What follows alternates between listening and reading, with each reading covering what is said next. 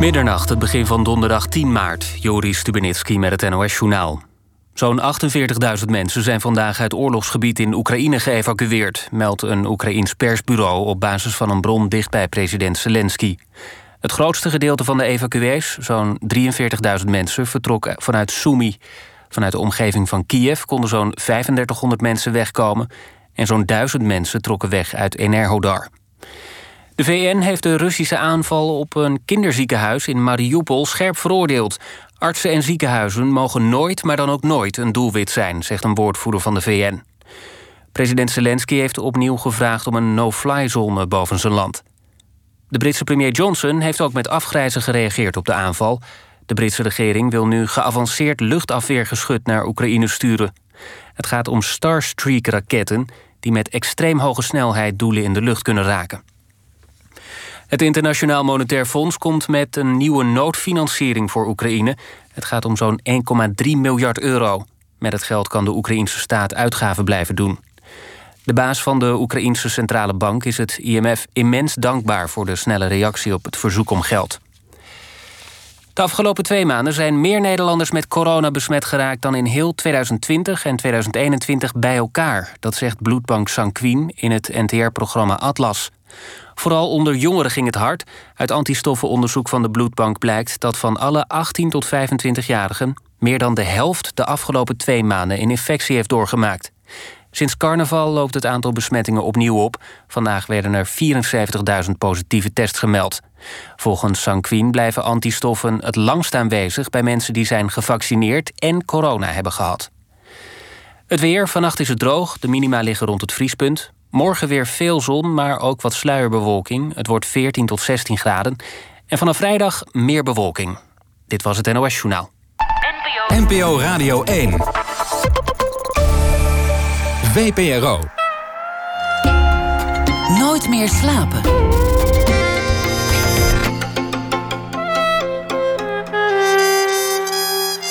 Met Pieter van der Wielen. Goedenacht en welkom bij Nooit meer slapen. Als kind al raakte mijn gast komend uur betoverd door de klanken van de harp. Toen hij het instrument eindelijk zelf eens mocht aanraken, bleek hij ook nog een talent te zijn. Hij maakte carrière in de wereld van de klassieke muziek, maar iets jeukte. Remy van Kesteren ging samenwerkingen aan, dook in de wereld van de rock'n'roll, maakte platen als songwriter en deed mee aan vele bijzondere samenwerkingen en projecten. Inmiddels speelt hij voornamelijk weer harp, maar wel in steeds een andere context. Een nieuwe voorstelling. En daarin gaat hij de samenwerking aan met kunstenaar Jurjen Alkema, die een soort harprobot heeft ontworpen een muziekrobot. En Erik Corton, niemand minder, deed de regie. Ook liet hij eh, recent voor zichzelf de grootste harp ter wereld ontwerpen met extra snaren, terwijl hij voor schoolkinderen, om het instrument wat toegankelijker te maken, een kleinere harp liet ontwerpen. Geen man van de gebaande paden, kortom. Remy van Kesteren werd geboren in 1989. Remy, welkom. Leuk je hier te ontvangen. Het is, uh, Leuk er weer te zijn. Het is altijd feest als je, als je langskomt, omdat je ook eigenlijk altijd iets anders aan het doen bent. Het is, het is nooit een keer hetzelfde. nee. Ja, nee, dat is waar. Ja, ja ik, uh, ik wilde kennelijk altijd uh, als kind al het onverwachte doen. Ik bedoel, uh, ja, ik zat op capoeira en ballet. En mijn vriendjes die deden gitaar en eh, piano. Ik moest zo nodig harp spelen. Ja, dat zat er kennelijk altijd al in. Waar kwam die harp vandaan? Wie, wie had er in hemelsnaam een harp in, in jouw omgeving? dat was een vriendin van mijn moeder. Die, uh, mijn moeder speelde vroeger fluit als, uh, als hobby. En uh, die speelde samen met een, een vriendin op, een, op een dag. En ik ging mee om, ja, dat ze iets met mij moest. dus ik speelde in de tuin. Ik zat op mijn schommel. En daar hoorde ik door een raam eerst mijn moeder spelen. Nou, dat kende ik wel. En toen hoorde ik die vriendin op die harp. En die klank herkende ik wel. Uh, ik had die harp thuis wel vaker gehoord. Mijn moeder luisterde ook wel Ierse muziek en zo. Dus ik, dat kende ik wel. Maar uh, ja, nu wilde ik het wel echt even horen hoe dat dan... En vooral ook zien hoe dat eruit zag. En ja, toen zag ik dat instrument. En zeker als klein jongetje is dat ja, waanzinnig, indrukwekkend. Zo'n reusachtig ding. En het wordt, wordt echt bijna geknuffeld en omhelst door degene die erop speelt. Ja, ja dat, en dat is ook wel wat me nog bijstaat. Dus dat, dat geluid van het instrument is iets wat anders dan bij andere instrumenten. Die gaan ook soms recht je, je hart in. Maar de harp voelt ook, die klank is ook een soort omhelzing. inderdaad. Het is mooi dat je dat zegt. Je moet het ook omhelzen als, als je het bespeelt. Maar het geluid zelf omhelst je ook weer. Het is gewoon eigenlijk... Ja, dus bijna, ik bedoel, er zijn natuurlijk altijd mensen die ergens een hekel aan hebben. Maar de meeste, je kan, het is vrij lastig om eigenlijk een hekel aan het geluid zelf te hebben. Mijn buren die, die werden vroeger vooral chagrijnig als ik niet studeerde s ochtends, omdat ze zo lekker wakker werden met het geluid. Dat hoor je ook niet vaak. Buren van muzici die zeggen: wat oefen je weinig, we, we missen de muziek. Ja, nee, ja, maar dat is echt dat instrument. Het is gewoon niet een, uh, het is niet uh, een penetrant geluid of iets wat, uh, wat zoals een viool, weet je wel, dat kan echt enorm. Ja, kan ook heel vals zijn natuurlijk. Dan is het helemaal. Als iemand het niet kan, is, is dat echt de onderste laag van de hel. Nou ja, de eerste tien jaar dat je viool speelt, uh, is, ja, is het gewoon echt wel zwaar uh, om door te komen. En dan op een gegeven moment dan wordt het fijn. maar die harp, ja, als je hem goed stemt, dan klinkt hij eigenlijk meteen gewoon goed. Wordt ook altijd geassocieerd met de hemel, met engelen, met vrede, met nou ja, allemaal, allemaal thema's aan de harp verbonden. Heb, heb, hmm. je, heb je zelf het instrument wel eens gehaat? Ja, ja, ja, toch wel, ja. Ja, het is natuurlijk een. Uh, ja, haat is een sterk woord, maar ja, ik vrees dat het toch wel zo geweest. Het is een liefdesrelatie.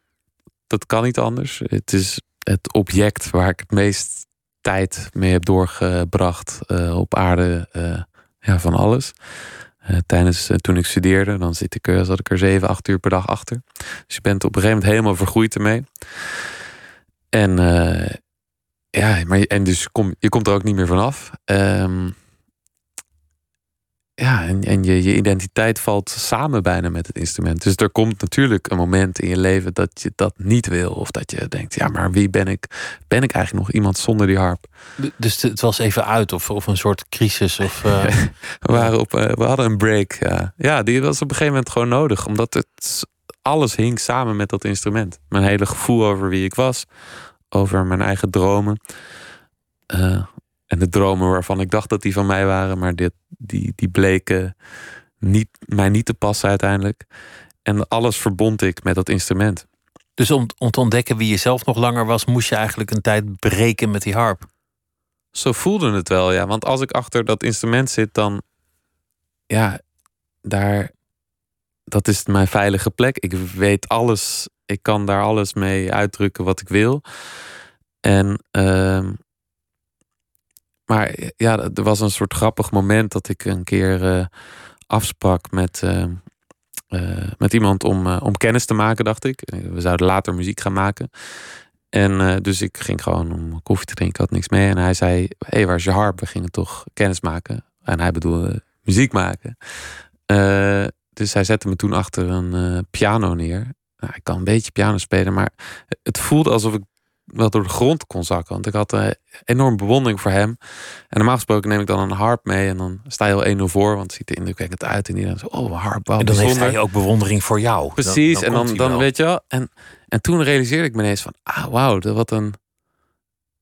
Als dat weg is, dat comfort of zo, eh, ben ik dan eigenlijk nog wel... Ben ik dan nog een muzikant? Stel ik dan nog iets voor? Zonder dat is en dat vond ik best wel een heftige gedachte. En dacht ik, ja, dan dat moet ik onderzoeken. Want uh, ik wil niet. Uh, ik wil me niet verschuilen achter mijn instrument. Dus je moest het zonder doen. Je, je, je bent gitaar gaan spelen, bent gaan zingen, toetsen gaan spelen, elektronica. Wat heb je nog meer allemaal uitgespookt? Ja, van alles geprobeerd. Allemaal dingen die ik niet, niet kon en die ontzettend frustrerend waren, omdat ik dan heel erg voelde wat ik wilde zeggen of wilde zingen. En dat het dan gewoon, ja, helemaal niet klinkt zoals ik wil. En dat ja, was een gevoel wat ik niet, uh, niet kende in muziek. Dat je niet kan zeggen wat je wil zeggen omdat het instrument in de weg is gaan zitten, wat je bespeelt. Ja, omdat je gewoon niet kan. Dat je niet, niet weet hoe je, dat, uh, hoe je dat andere instrument moet bespelen. En uh, heel ontnuchterend, heel onnuchter voel. En tegelijkertijd dat in al die beperkingen in andere instrumenten, dat je wel voelde van ah ja, maar die muzikaliteit vindt nog steeds een weg. En soms is het, vindt hij eigenlijk beter zijn weg op het moment dat je iets net niet helemaal kan, omdat die frustratie die daarmee gepaard gaat, misschien ook wel de frustratie is die je juist wil uiten. Uh, dat heb ik geleerd ook aan, aan, popmuziek, wat ik vaak zo mooi kan vinden. Ook als iemand helemaal niet kan zingen, maar dan komt het toch recht je hart binnen, omdat juist dat gebrek ook zo mooi kan zijn. Daar zijn vele voorbeelden van. Ja. Keith Jarrett, die, die, eh, die helaas niet meer speelt, maar toch denk ik wel de grootste jazzpianist van zijn tijd was, die heeft vrij vroeg in zijn carrière een soort Bob Dylan-achtige LP gemaakt, waar, waarop hij zingt en gitaar speelt. Niet, niet ontzettend sterk. Duidelijk niet waar zijn forte lag. Maar, maar die heeft op een zeker ogenblik ook gedacht: ik, ik moet die piano gewoon wegdoen of, of, van me afschuiven om te ontdekken wie ik ben als artiest. Ja, ja ik denk dat het een heel. Uh, ja, voelt als een logisch, een logisch moment. Dat het, dat het toch. Uh, um, dat het zich aandient. Net zo goed als, als wanneer je een relatie zou krijgen, je eerste relatie. En dan uh, dat er ook een moment komt dat je toch afvraagt: ah ja, is er buiten dat nog meer? Of hoe, hoe, hoe zou het zijn in een andere situatie? Um, ja, in ieder geval in het, met een instrument dat je toch voelt, ja, ik moet er even weg van. Om vervolgens weer de liefde, in mijn geval gelukkig weer te hervinden. Wel op een nieuwe manier, maar wat je ontdekte was muzikaliteit. Die, die niet strikt afhankelijk is van de harp. Dus, dus een, een, een dieper iets dat je wil uiten. Dat je dan het makkelijkst uit via de harp. Want dat is nou eenmaal waar je het best op bent. Maar dat uiteindelijk ook los kan staan van die harp. Dus het zijn, zijn zeker niet je vingers die spelen. Nee, nee, ja, ja, dat is, uh, ja zo voelt het soms uh, bijna wel, ja. Dat uh, het, ja, het vindt zijn weg en maar ik ben echt anders gaan spelen toen ik weer terugkeerde bij het instrument. Nu ga je natuurlijk vragen hoe dan, maar ja, dat, dat is lastig te zeggen. Maar ja, het, het, je, ik heb echt het instrument op een nieuwe manier weer teruggevonden. Toen je zo'n jongetje was en, en eigenlijk een, een harp kreeg dan van je, van je moeder, was het een huurharp of, of een Ja, we leenden er eentje. Een leenharp? Ja, ja die dingen zijn hartstikke duur. En, uh, dus ik, uh, ja, ik kon er eentje lenen. En uh, dat is wel echt zo'n kleine, weet je wel. en ja, daar speelde ik dan op. En daar speelde ik al de Ierse, de Ierse liedjes. Daar begon ik echt mee. Dat vond ik hele mooie muziek. En ik, wat zo mooi is aan die muziek, is dat al die verhalen en de muziek verweven zijn. En dat is, ja, dat heb ik ook altijd gehouden. Eh, een goede muzikant is een verhalenverteller. En, en andersom, een goed verhaal zit vol met muziek. Dat zijn voor mij zijn die onlosmakelijk met elkaar verbonden. En, en die, het zaadje daarvan zat in die, in die Ierse volksmuziek. Die, die verhalen over uh, koningen en nou ja, ja, al die, die sages en mythes die, die in die muziek verborgen liggen. Dat hoorde al meteen bij de harp. Hoe kwam het dat je dan acht uur ging spelen? Wanneer, wanneer komt dat moment dat het escaleert? Um, geleidelijk. Als kind uh, was ik al blij als ik een half uurtje haalde. Um, maar uh, ja, via de Ierse muziek op een gegeven moment waren de Ierse liedjes op. En toen zei mijn, uh, dat zei mijn docent toen. En die zei, ja, nu moet je maar eens gaan voorspelen op het conservatorium. Um, en toen was ik tien. Ik had geen idee wat conservatorium was. En toen mocht ik daar starten in de, de jong talent klas. En toen kwam ik eigenlijk voor het eerst in aanraking met klassieke muziek. Dat, ja, nou ja, ik had het, mijn moeder luisterde het wel. Ik kende het wel van thuis, maar ik had het nooit gespeeld. En dat was ook best wel even wennen. Die, die structuren, de andere manier van luisteren zekere mate soms van een soort afstandelijkheid. Uh, die ik niet zo goed kende uit de Ierse muziek. Dat was altijd heel direct, sprekend tot het hart, zou je kunnen zeggen. Maar goed, naarmate je met kennis meer in die klassieke muziek komt, ervaar en vind je daar de diepte in. De diepte in de noten, de diepte in de muziek. Kwam ik steeds meer in die wereld en werd het ook steeds meer mijn droom om in die wereld dan, uh, ja, eigenlijk uh, ik wilde eigenlijk een soort Janine Jansen uh, van de harp worden. Weet je wel, wat zij met die viool. Al die grote orkesten over de hele wereld. Ik dacht, ja, dat, dat is wat ik wil, maar dan met de harp. Dat had je ook makkelijk kunnen lukken. Je was, je was aardig op weg. Het ging, uh, het ging aardig die kant op. En, uh, je stond in de mooie zalen. Je had, je had een contract met Deutsche Grammophon. En Zeker. Ga maar door. Ja, nee. Onderscheidingen, lofrecensies.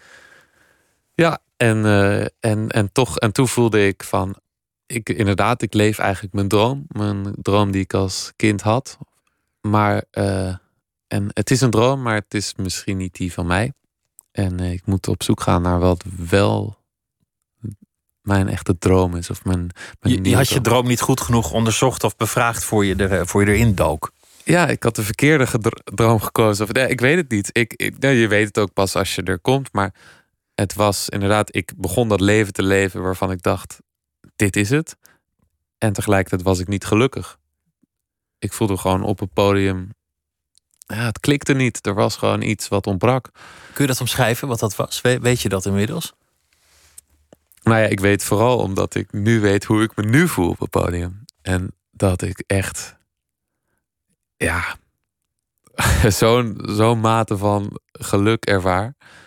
En van op de juiste plek zitten. Ehm, dat ik dacht, oh, als het, als het zo kan, dan uh, ja, waarom zou je met minder genoegen nemen? En dat zit hem echt in, voor mij in ieder geval, in toch het vinden van je eigen, je eigen stem, je eigen muziek spelen. Uh, een, ja, delen van, van iets wat je.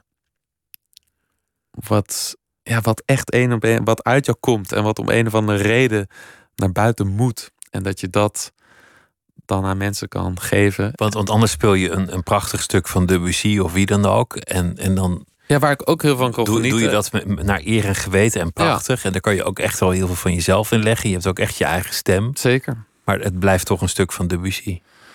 Ja, voor mij was daar daarin... Uh, ja, het was niet... Het was uiteindelijk niet genoeg. En het was ook een realisatie dat ik dacht...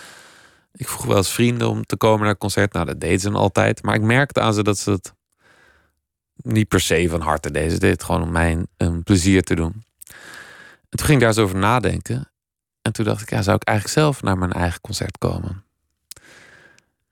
En toen was het pijnlijke antwoord was het nee, dat zou ik niet doen. Ja, toen, toen was er eigenlijk geen weg terug. Dacht ik, ja, dat kan je niet maken. Kan je niet op het podium gaan zitten en dan. Niet een avond organiseren die je zelf niet zou willen meemaken. Dat, dat, dat gaat eigenlijk. Nee, dat slaat uh... natuurlijk eigenlijk helemaal nergens op. Wat zit je dan op het podium te doen? Je moet in vuur en vlam staan als je daar op het podium zit. En uh, dat moet gewoon alles zijn. En uh, ja, dus toen, toen dacht ik, ja, dan moet ik, naar, dan moet ik dat gaan doen. Ik moet gaan maken wat ik wil horen. Het valt me op dat veel jonge muzici ook in het, in het klassieke format een beetje worstelen met het ritueel dat een concert is geworden. Niet allemaal, maar sommige. Een van de dingen die ik, die ik steeds vaker merk, vooral in, in kleinere zalen, is dat ze graag iets vertellen. Over, over hoe ze het stuk hebben ontdekt, of waar het stuk over gaat voor hun. Of wat, wat, interessant is aan het stuk. Dat, dat mensen het leuker vinden om het iets persoonlijker te maken door te praten. En ik, ik merk dat het publiek dat vaak ook heel fijn vindt. Niet, niet, niet iedereen natuurlijk, maar. Zeker, ja. ja. Nee, ik heb dat ook altijd gedaan. Ik vond het, uh, vond het leuk. En sommige muziek heeft het nodig. Dan kan je ze meenemen en, uh, en jezelf meenemen. En uh, nou ja, wat ik al zei, voor mij zijn verhalen en muziek altijd verweven. Dus uh, het hoeft niet altijd een letterlijk verhaal te zijn, maar het kan wel ontzettend helpen. Zeker. Vooral ook bij wat abstractere muziek of muziek die niet meteen uh, uh, easy listening is of zo. Dan, dan kan het ineens door, door het juiste te zeggen, wat een kunst op zich is, kan je ineens dat deurtje openen voor mensen. En dan kan dat ineens het stuk zijn wat iedereen mee naar huis neemt. Dat vind ik iets heel moois. In welk gat kwam de harp eigenlijk terecht in je, in je jonge jaren? welke vacature werd door de harp vervuld? Wie vergeleek het al met een relatie, met een liefde? Wat, wat, wat was het? Een imaginaire vriend? Een, uh, een uh, vluchtroute, een vluchtheuvel, een, uh, een schild tussen jou en de wereld? Hoe, hoe zie je dat? Ja, het was wel, het was wel een, ja, een vlucht. Ja, het was wel een soort mijn eigen rabbit hole. waar je gewoon zo in één keer als je kon spelen, dan was het echt zo in één, in één klap in, in je eigen wereld, in een eigen fantasiewereld, in een eigen, eigen werkelijkheid. Alles, alles verdween en uh, ik, ik, stelde me ook altijd levendig voor dat ik daar dan, terwijl ik aan het studeren was, dat er dan of mensen aan het luisteren waren of dat ik op een, in, een ander land was. En uh, ja, dat gebeurde dan. Een behoefte aan fantasie, en het creëren van een eigen werkelijkheid, een, een, een plek die iets biedt dat, dat, dat de realistische wereld niet biedt.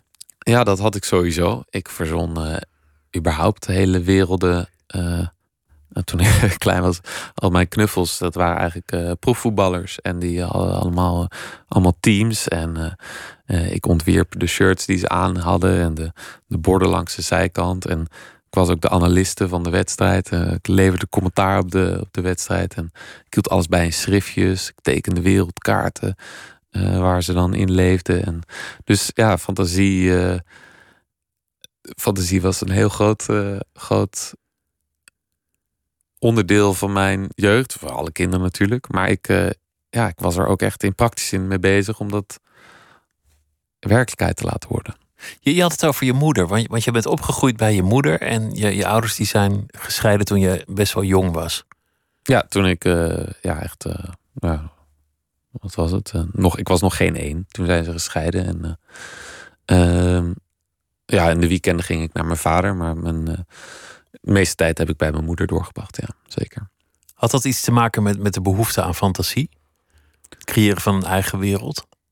Ik denk wel dat als je kind bent van gescheiden ouders, dat je hangt een beetje vanaf hoe ouders uit elkaar gaan. Maar in mijn geval, nou, kon beter. Uh, ja, dan is dan moet je soms de werkelijkheid even. Ja, kinderen van gescheiden zullen het herkennen. Dan ja, ja, de ene ouder wil niet echt, echt precies horen hoe het, dat het heel leuk was bij de ander. Of uh, dus je laat wel eens wat weg, of je verandert iets. Of, uh, uh, ja, dat is wel een onderdeel van eh, dat je de, de werkelijkheid een beetje gaat kneden, zodat het voor iedereen eh, aangenamer is de werkelijkheid moet een verhaal worden. Een, een verhaal dat, dat goed in het gehoor ligt. Ja, bijna. Ja, dat is ook mijn. Ik ben eh, van het uh, vrij extreme harmoniemodel. Dus ik wil dat, dat iedereen, dat iedereen oké is. Nou, dat misschien daar ook wel ontstaan. En ik had altijd een soort voelsprieten voor de, hoe de situatie was. En probeerde dan altijd ja, dat uh, voor iedereen zo aangenaam mogelijk te, te, maken. En soms moest je dan de, de werkelijkheid een beetje buigen. En nou ja, dat, ja, daar had ik geen problemen mee. Als je, heel, als je het heel negatief zegt, dan, dan kan je ook zeggen dat was liegen. Je, je maakt het mooi. Je zegt ik verzachtte het. Het was fantasie. Het was een eigen wereld. Ja. Een wereld die veilig was. Maar, maar de cynische geest zou zeggen... kleine Remy liep, liep te jokkenbrokken. Ja, zeker. Ja. Dat heb ik ook wel... Uh, mijn vader vond het ook wel. Hij vond het ook wel moeilijk. En die heeft later, dat, dat was een heel mooi, mooi moment, een paar jaar geleden eigenlijk pas. Toen zei hij van ja, dat vroeger wel eens echt al liegen genoemd en uh, voor, voor gestraft of aangesproken. En toen, toen zei hij ja, nu zag ik eigenlijk dat het, dat het fantasie was. En dat, dat er misschien nog iets anders zit tussen de, de werkelijkheid en onwaarheid. En dat het niet altijd zo'n zo'n hele duidelijke scheidslijn is. En ook dat de reden om ja, de noodzaak om, om die wereld tussen de werkelijkheid uh, te vinden, die begreep hij ook. Iemand die, die volledig naar eer en geweten de waarheid vertelt, die zal nog niet de werkelijkheid vertellen. Dat, dat zijn, zijn in die zin twee andere dingen. Dat is natuurlijk ook nog. Ja. Om, omdat je hebt je, je waarneming, je brein zit ertussen, je weet niet alles. Je nee. kent de werkelijkheid niet.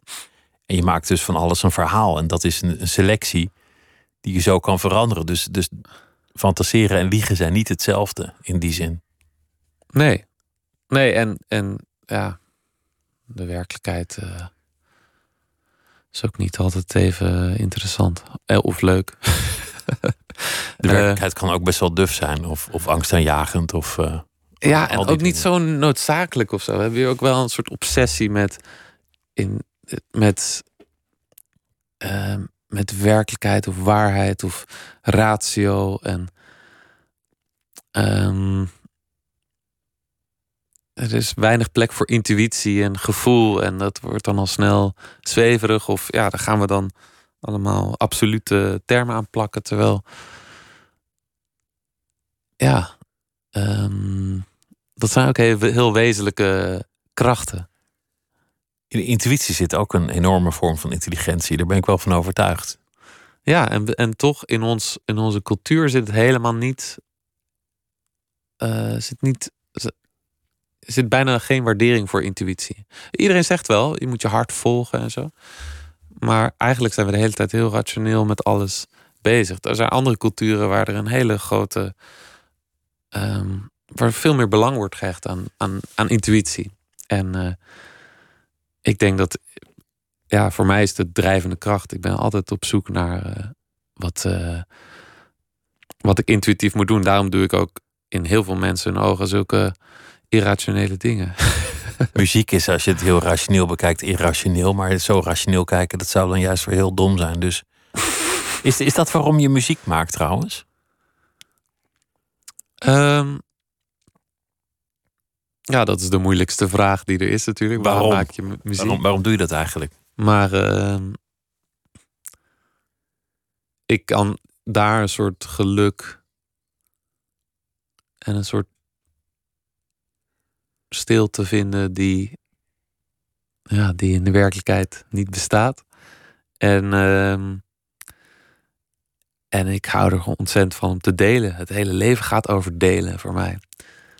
Als ik iets moois zie, iets moois meemaak, dan kijk ik meteen om me heen en dan zoek ik ah ja, wie kan ik vinden om dit te laten zien of dit te laten horen?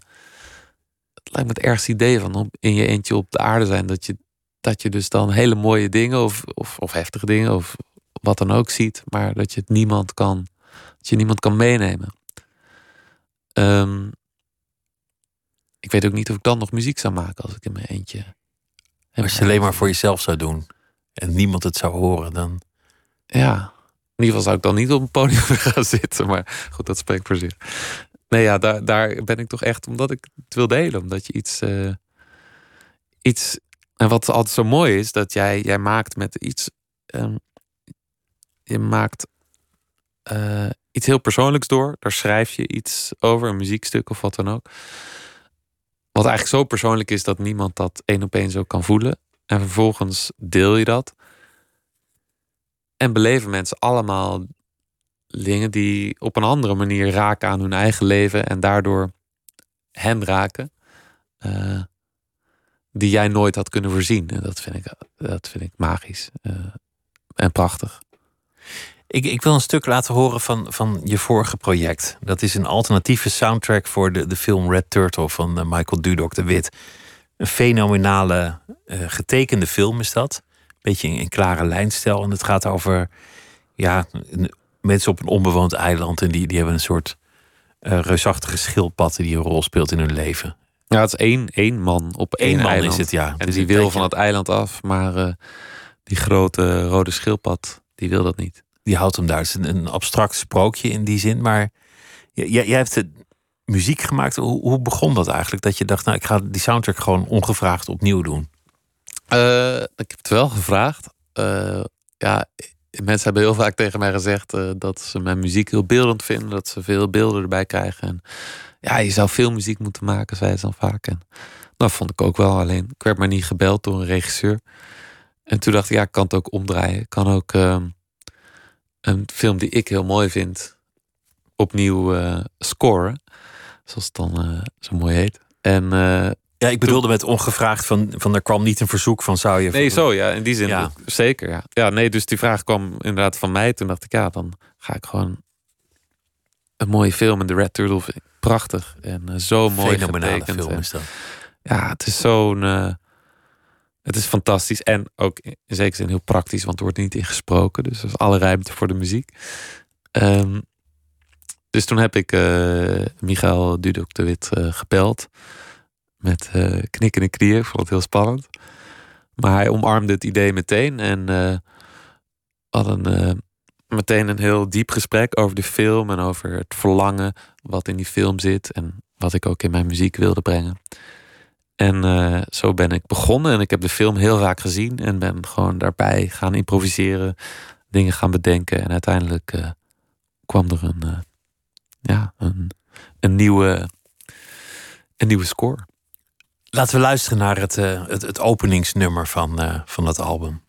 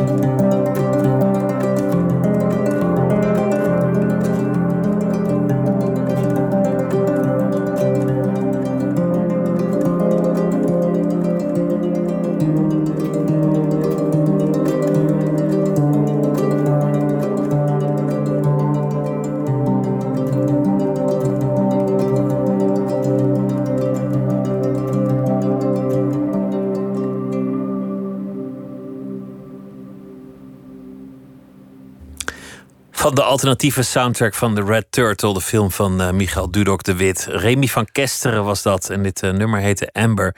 Is van een, uh, een twee jaar geleden ongeveer.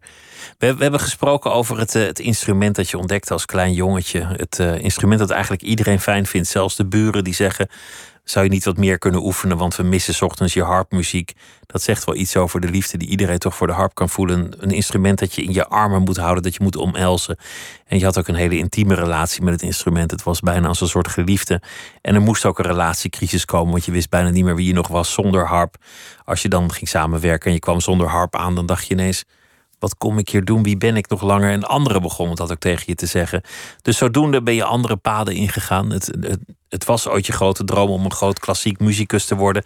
Die droom was bijna uitgekomen. En toen bleek het niet de juiste droom te zijn voor jezelf. En uh, je moest dus andere dingen gaan ontdekken. Je hebt uh, een grote cirkel gemaakt, maar uiteindelijk ben je toch teruggekomen bij de harp. Zij het op een andere manier, omdat je nu dieper in jezelf kan, kan ontdekken wat je wil zeggen. Daar gaat het om. Je zei ook, ik speel om dingen te delen. Dat is de essentie. Als niemand zou luisteren, zou ik geen muzikant willen zijn. En het hangt ook samen omdat je als kind met Ierse muziek bent eh, begonnen. Met uh, het vertellen van verhalen. Muziek is een manier om verhalen te vertellen. Verhalen vertelde je ook aan jezelf. Je hebt in je jeugd een soort fantasiewereld gebouwd met je knuffelbeesten die een elftal vormden. En misschien was dat ook wel een manier om, om de waarheid te kneden, wat je als kind al moest doen, omdat je gescheiden ouders had. En dus leerde je al jong dat, dat de waarheid een verhaal is waar je soms kleine aanpassingen in kunt maken. Is dat liegen? Nou, niet echt. Wat is eigenlijk waarheid? Wat is werkelijkheid? Wat is eigenlijk liegen? En wat is leven zonder fantasie? Je bent teruggekeerd bij de, bij de harp en uiteindelijk uh, heel veel nieuwe projecten gaan doen. Dit was er eentje van. Maar wat je, wat je nu allemaal doet, dat is eigenlijk, eigenlijk alles wat je, wat je ooit had gedacht te buiten. Je bent, je bent nu muziek aan het maken met een soort muziekrobot. Dan moet je even uitleggen wat het is en, en, hoe je daarbij terecht bent gekomen.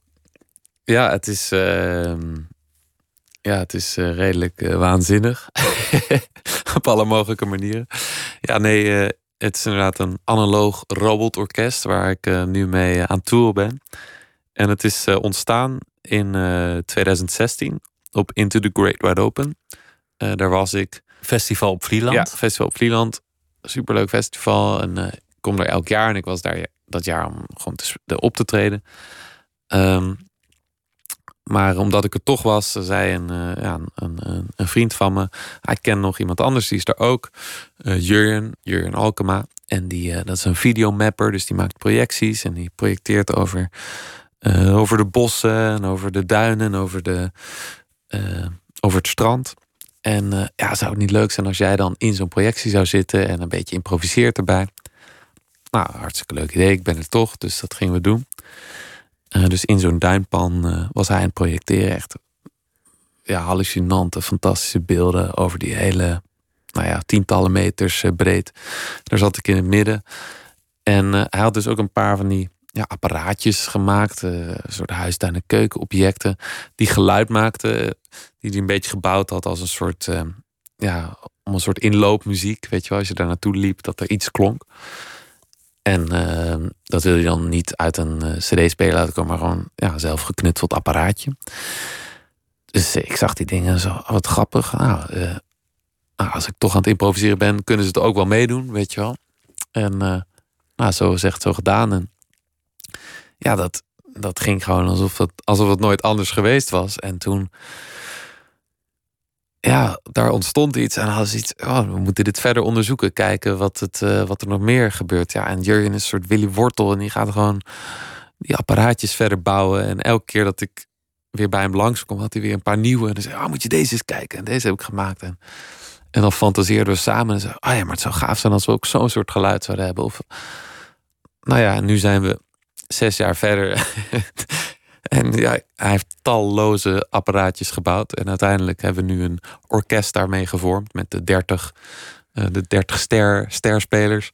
Uh, en dat is het, uh, ja, het robotorkest geworden. En die zit in een stellage van 8 meter breed, 3 meter hoog.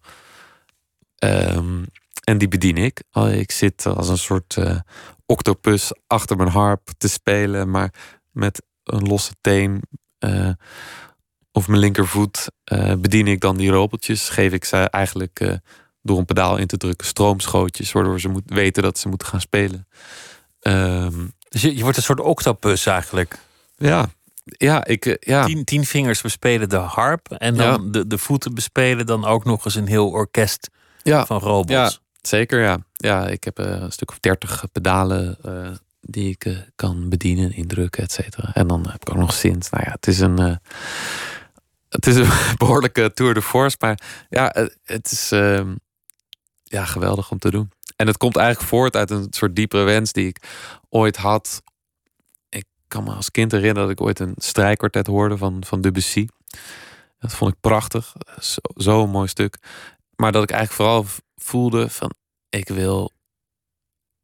Ik wil dat strijkkwartet zijn. Ik wil gewoon al die strijkers worden. Ik wil die, die altviolist zijn, die cello.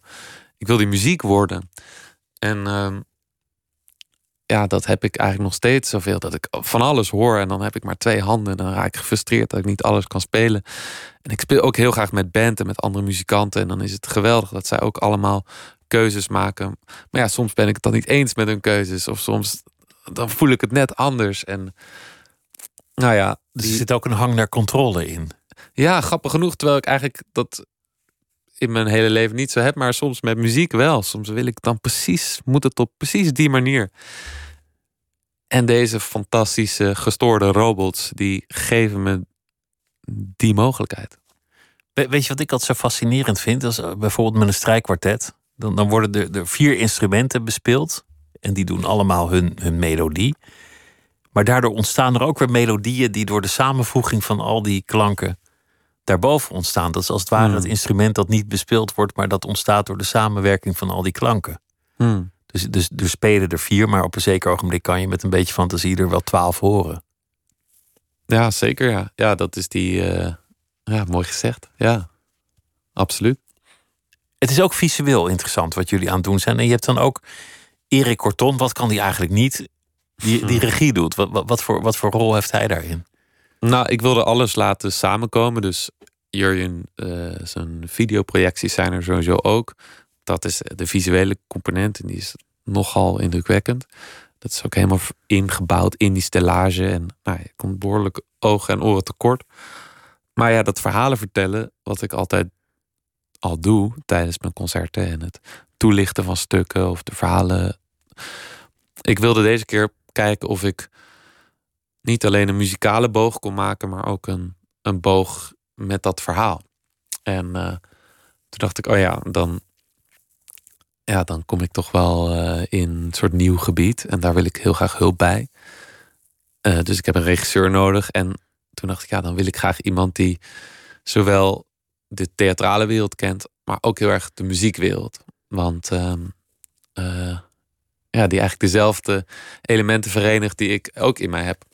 En toen moest ik aan Erik denken, die weliswaar volgens mij nog niet echt als regisseur bekend staat, maar natuurlijk wel een geweldig acteur is en ook muzikant. En nou ja, inderdaad, wat kan hij niet?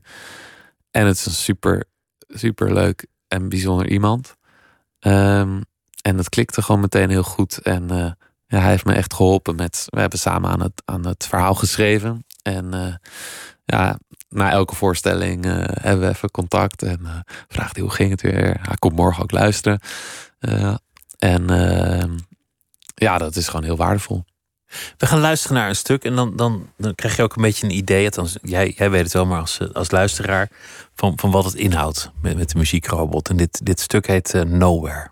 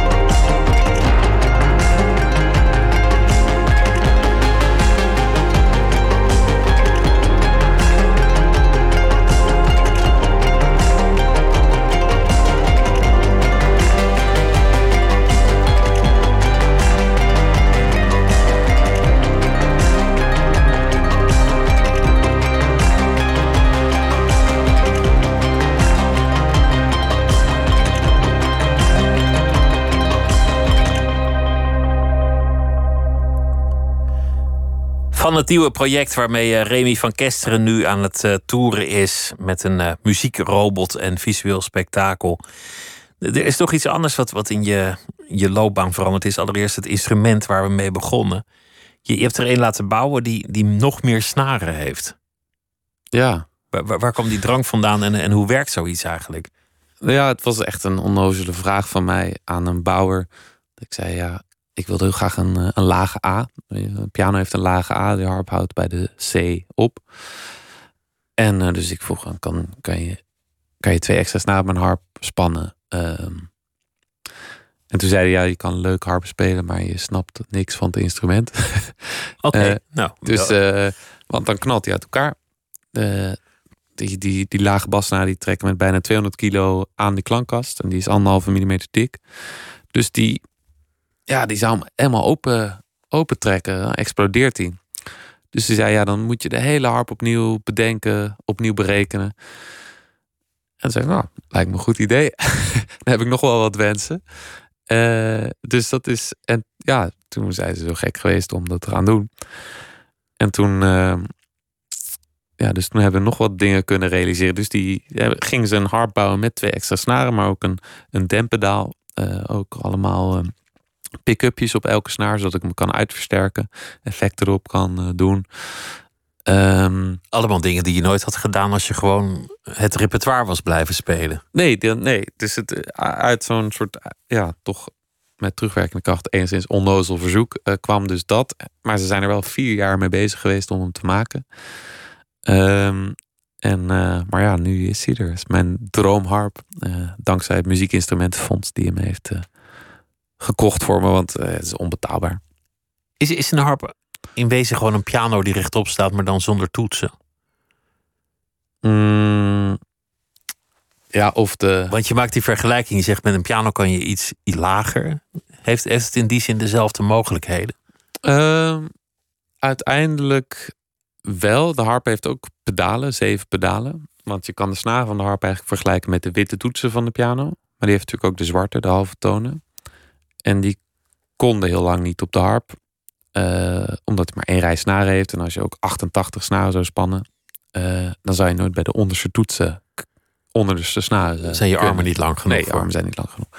Dus ze hebben geprobeerd harpen te maken met twee rijsnaren, zoals drie rijsnaren. Nou, dat werkt allemaal niet. En uiteindelijk hebben ze een pedaalsysteem bedacht, waardoor je een snaar een half toon hoger of lager kan stemmen. En daardoor alle mogelijkheden hebt van de, van de piano. Dus er zijn zeker heel veel gelijkenissen met het instrument. Uh, behalve dat harp natuurlijk veel mooier klinkt. Een andere klank, ja. je, je hebt ook een, een harp, juist die, die weer. Want het grote nadeel van de harp is dat hij zo groot is. En dan, dan moet je naar harples. En als er niet een harp daar staat, dan moet je dus in de bus of op een aanhangwagen of op de fiets met, met die reusachtige koffer. Ik, ik weet niet hoe mensen dat doen. Maar, maar je hebt daarvoor voor schoolkinderen juist een kleine harp ook laten bouwen. Ja, ja, uh, ja, dat verzoek kwam eigenlijk uit het, uh, het leerorkest. Uh, dat is een, een orkest voor, voor kinderen gestart in de Belmer, maar het is inmiddels op heel veel plekken in Nederland en ook op, op Curaçao en Bonaire. Um, voor kinderen die geen toegang hebben tot muziekinstrumenten en die wel heel graag muziek willen maken. Omdat het zo waardevol is. En zij bieden die mogelijkheid. En ze laten die kinderen ook samen spelen, samen muziek maken. Echt een prachtig initiatief. En op een gegeven moment belde de directeur Marco de, de Souza mij. Uh, en uh, die zei: Ja, Remy, ik heb een probleem. Al kinderen willen harp spelen. Maar ja, voor het geld dat ik één harp kan kopen, kan ik ook tien violen kopen. Dus ja, ik probeer ze nu allemaal naar die viool te duwen. Maar ja, het liefst willen ze wel harp laten spelen. En ja, dat was voor mij een beetje de druppel. Want ik heb mijn hele leven zo vaak mensen gehad die naar me toe kwamen en zeiden: oh, Ik had zo graag harp gespeeld, maar mijn ouders vonden het te duur, te ingewikkeld, te lastig en zo. Dacht ik: Ja, nee, nu moeten we er iets aan doen. En toen heb ik een, eh, een vriend van me, die instrumentenbouwer is, Joris Beets, uh, gevraagd of hij niet wilde meedenken over een soort uh, ja, een zelfbouwharp eigenlijk. Eentje die je zelf in elkaar kan zetten, die zo goedkoop mogelijk is. En um, dat is precies wat hij gemaakt heeft. Uiteindelijk echt een harp die je met een moersleutel uh, in elkaar uh, zet. En waar je zelf de snaartjes kan spannen. En die dus tegen echt een heel veel lagere prijs aan te schaffen is. En die is makkelijk te vervoeren, die kan, kan mee op de fiets. Ja, dat is super of op de brommer. Ja, en, absoluut. En nee, ja, en we hebben, die is dus gebouwd en inmiddels zijn er al 300 harpen besteld en gefinancierd door allemaal mensen die daaraan hebben bijgedragen voor die kinderen. Dus dat is echt fantastisch. Wat is dat voor drang om, om ook mensen te inspireren met, tot het spelen van een instrument? Of je te ontfermen over de volgende generaties? Uh, ja, dat is misschien iets wat meer komt met dat je, dat je zelf ouder wordt. Of vader ben ik ook geworden. Uh, dat is natuurlijk een, een logisch, heel duidelijk moment dat je ineens je leven deelt met nog een nieuw persoon. Uh, dus ben je misschien meer nog daarmee bezig. Al kwam dit, dit ontstond al daarvoor trouwens. Ja, het is gewoon, muziek is gewoon het mooiste wat, wat er is. Tenminste, wat ik ken in het leven. Het is zo'n zo'n gift. Het is zo'n zoiets, zo bereikbaar eigenlijk als je de kans hebt gehad om ermee in aanraking te komen. En uh, het is bijna een. Uh, ja, je doet mensen bijna onrecht als je ze niet de kans geeft om, om te laten ontdekken wat hun relatie tot muziek zou kunnen zijn. Of ze daar iets mee kunnen, of ze daar iets mee willen. Um, Lijkt ook weer op het thema wat je net zei: dingen overdragen. Het delen van dingen. Ja, zeker. Ja, ja. Ja, en het is ook gewoon heel goed voor je. Je, ontwikkelt je brein. Uh, ja, als je gaat samenspelen, moet je extreem goed naar elkaar luisteren, op elkaar reageren. Uh, het is zoiets waardevols. En ik, ik vind het fantastisch aan nu een kindje hebben en zo van dichtbij te zien dat als je. Het maakt niet uit wat ik haar laat horen, maar gewoon alles wat nieuw is, als het klanken zijn. En dan. Ja, dan gaat ze met een gretigheid. Uh, gaat ze erop af. Uh, waar, ze dan, waar ze dan die klanken hoort. Uh, ja, die, daar zit iets in muziek. Dat, ja, het is extreem cliché, maar goed, clichés zijn waar. Het is toch iets wat ons allemaal verbindt. En uh, wat gewoon ontzettend belangrijk is. Een, een, vriend van me die zei ooit dat je de wereld in, in twee kan opdelen. De landen waar overleven een dagelijkse noodzaak is en landen waar dat niet zo is. En in alle landen waar mensen elke dag weer bezig zijn om te overleven, daar speelt muziek een hoofdrol. Die is gewoon essentieel. Hier moeten we het soms uitleggen dat muziek belangrijk is, dat cultuur belangrijk is. Gewoon omdat we het te comfortabel eigenlijk hebben. Omdat we er op de noodzaak in die zin, die primaire noodzaak, voelen we hier misschien niet meer zo. Betekent niet dat die er niet is. Maar in momenten van nood, dan komt hij ineens toch aan het licht. En dan, dan... Oh, zeker. Dan voel je dat iedereen. Ik heb afgelopen zondag nog uh, meegespeeld in een benefietconcert voor Oekraïne. Uh, in een vol, uh, vol concertgebouw. Ja, ik bedoel, het betekent ergens natuurlijk helemaal niks. En tegelijkertijd, het feit dat je daar met z'n allen bent, dat je die verhalen hoort, maar dat je ook muziek kan delen, ja, betekent alles. Um, ja, ja, wat, ja, wat moet. En, en gewoon, het is ook iets wat we onszelf kunnen en moeten geven. Dat je af en toe even naar die andere plek kan. Weet je wel, misschien nu wel echt iets. In ieder geval heb ik extreme behoefte aan. Nu, nu de wereld eens te meer naar is en, en het nieuws eigenlijk niet te verdragen is. En, en, en de hele dag je om de oren wordt geslagen. Ja, ik ben ontzettend blij dat ik eh, elke avond uh, mag verdwijnen in mijn eigen wereld en mensen daarin mag meenemen en uh, even echt alles laat, kan laten vergeten. Het is ook uiteindelijk iets, iets dat, dat mensen kan verbinden. Daar, ja, er was dan zo'n discussie van mag je nu Russische componisten spelen, maar ik denk juist wel omdat muziek ook een vorm van verbroedering is. Zeker weten, ja. Dat, uh, nee, dat is voor mij geen, geen vraag. Ja. Nee, natuurlijk. Die muziek, uh, bovendien, die muziek is heel vaak uh, een verzet geweest tegen, tegen de, de tegen dictaturen oppressor. En, ja, dus, nee, en onderdrukkers. Ja. En, ja. Nee, de, en ja, nee, zeker. Dat, dat heeft helemaal geen zin ook. Het, het, is ook mooi dat we, dat we nu even kunnen ontsnappen met muziek. Wat, wat, wordt, wat wordt je volgende project eigenlijk? Want je bent met deze tour nu bezig, maar, maar ik ga ervan uit dat je alweer allerlei dingen hebt. Ja, het is grappig. Ik heb die vraag vaker gehad, maar ik denk de afgelopen jaren waren natuurlijk best wel best pittig. Gewoon het niet kunnen spelen. Ehm, en dus er zit ook een soort opgehoopte zin om nu gewoon weer, weet je wel, de, al die podia weer af te gaan en al die mensen weer te ontmoeten. En het plannen maken is ook eventjes. Want elke plan kon weer de prullenbak in de afgelopen jaren. Dus uh, nu is gewoon even dit genoeg eigenlijk. Maar ik, ja, ik weet hierna. Er komt vast weer iets nieuws. Ja, ik ben natuurlijk ook wel met dingen bezig. Ik ben met allemaal samenwerkingen met, uh, met zangeressen. Vooral zangeressen, ook zangers bezig. Want ik wil nu ook echt liedjes gaan maken, of songs, of hoe moet je het zeggen, maar dingen met tekst. Ik heb eerder met, uh, met Steen ook uh, mogen werken. Uh, die nu ons land gaat vertegenwoordigen natuurlijk. Ja, geweldig. En dat vind ik heel spannend om met, met, met zangers uit allerlei verschillende werelden um, te kijken wat, ja, wat daaruit voort gaat komen. Ik ben heel benieuwd en ik wens je allereerst heel veel uh, plezier met uh, de lopende tournee. Remy van Kesteren, dank je wel dat je langs wilde komen. Heel graag gedaan. Het was, uh, het was weer leuk om met je te praten en dit was Nooit meer slapen voor deze nacht. Zometeen kunt u luisteren naar de Paralympics op NPO Radio 1 en wij zijn er morgen weer. En dan is mijn gast Nadia Moushiet en die heeft een, een nieuwe serie gemaakt over de migratie van haar vader. Die is in omgekeerde richting gaat nareizen. Dat allemaal morgen. Voor nu een hele goede nacht.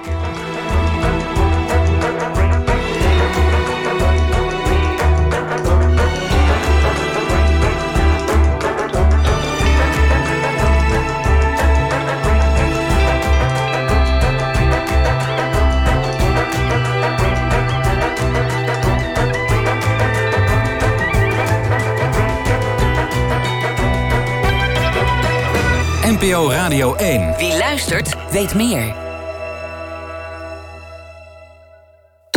NPO Radio 1.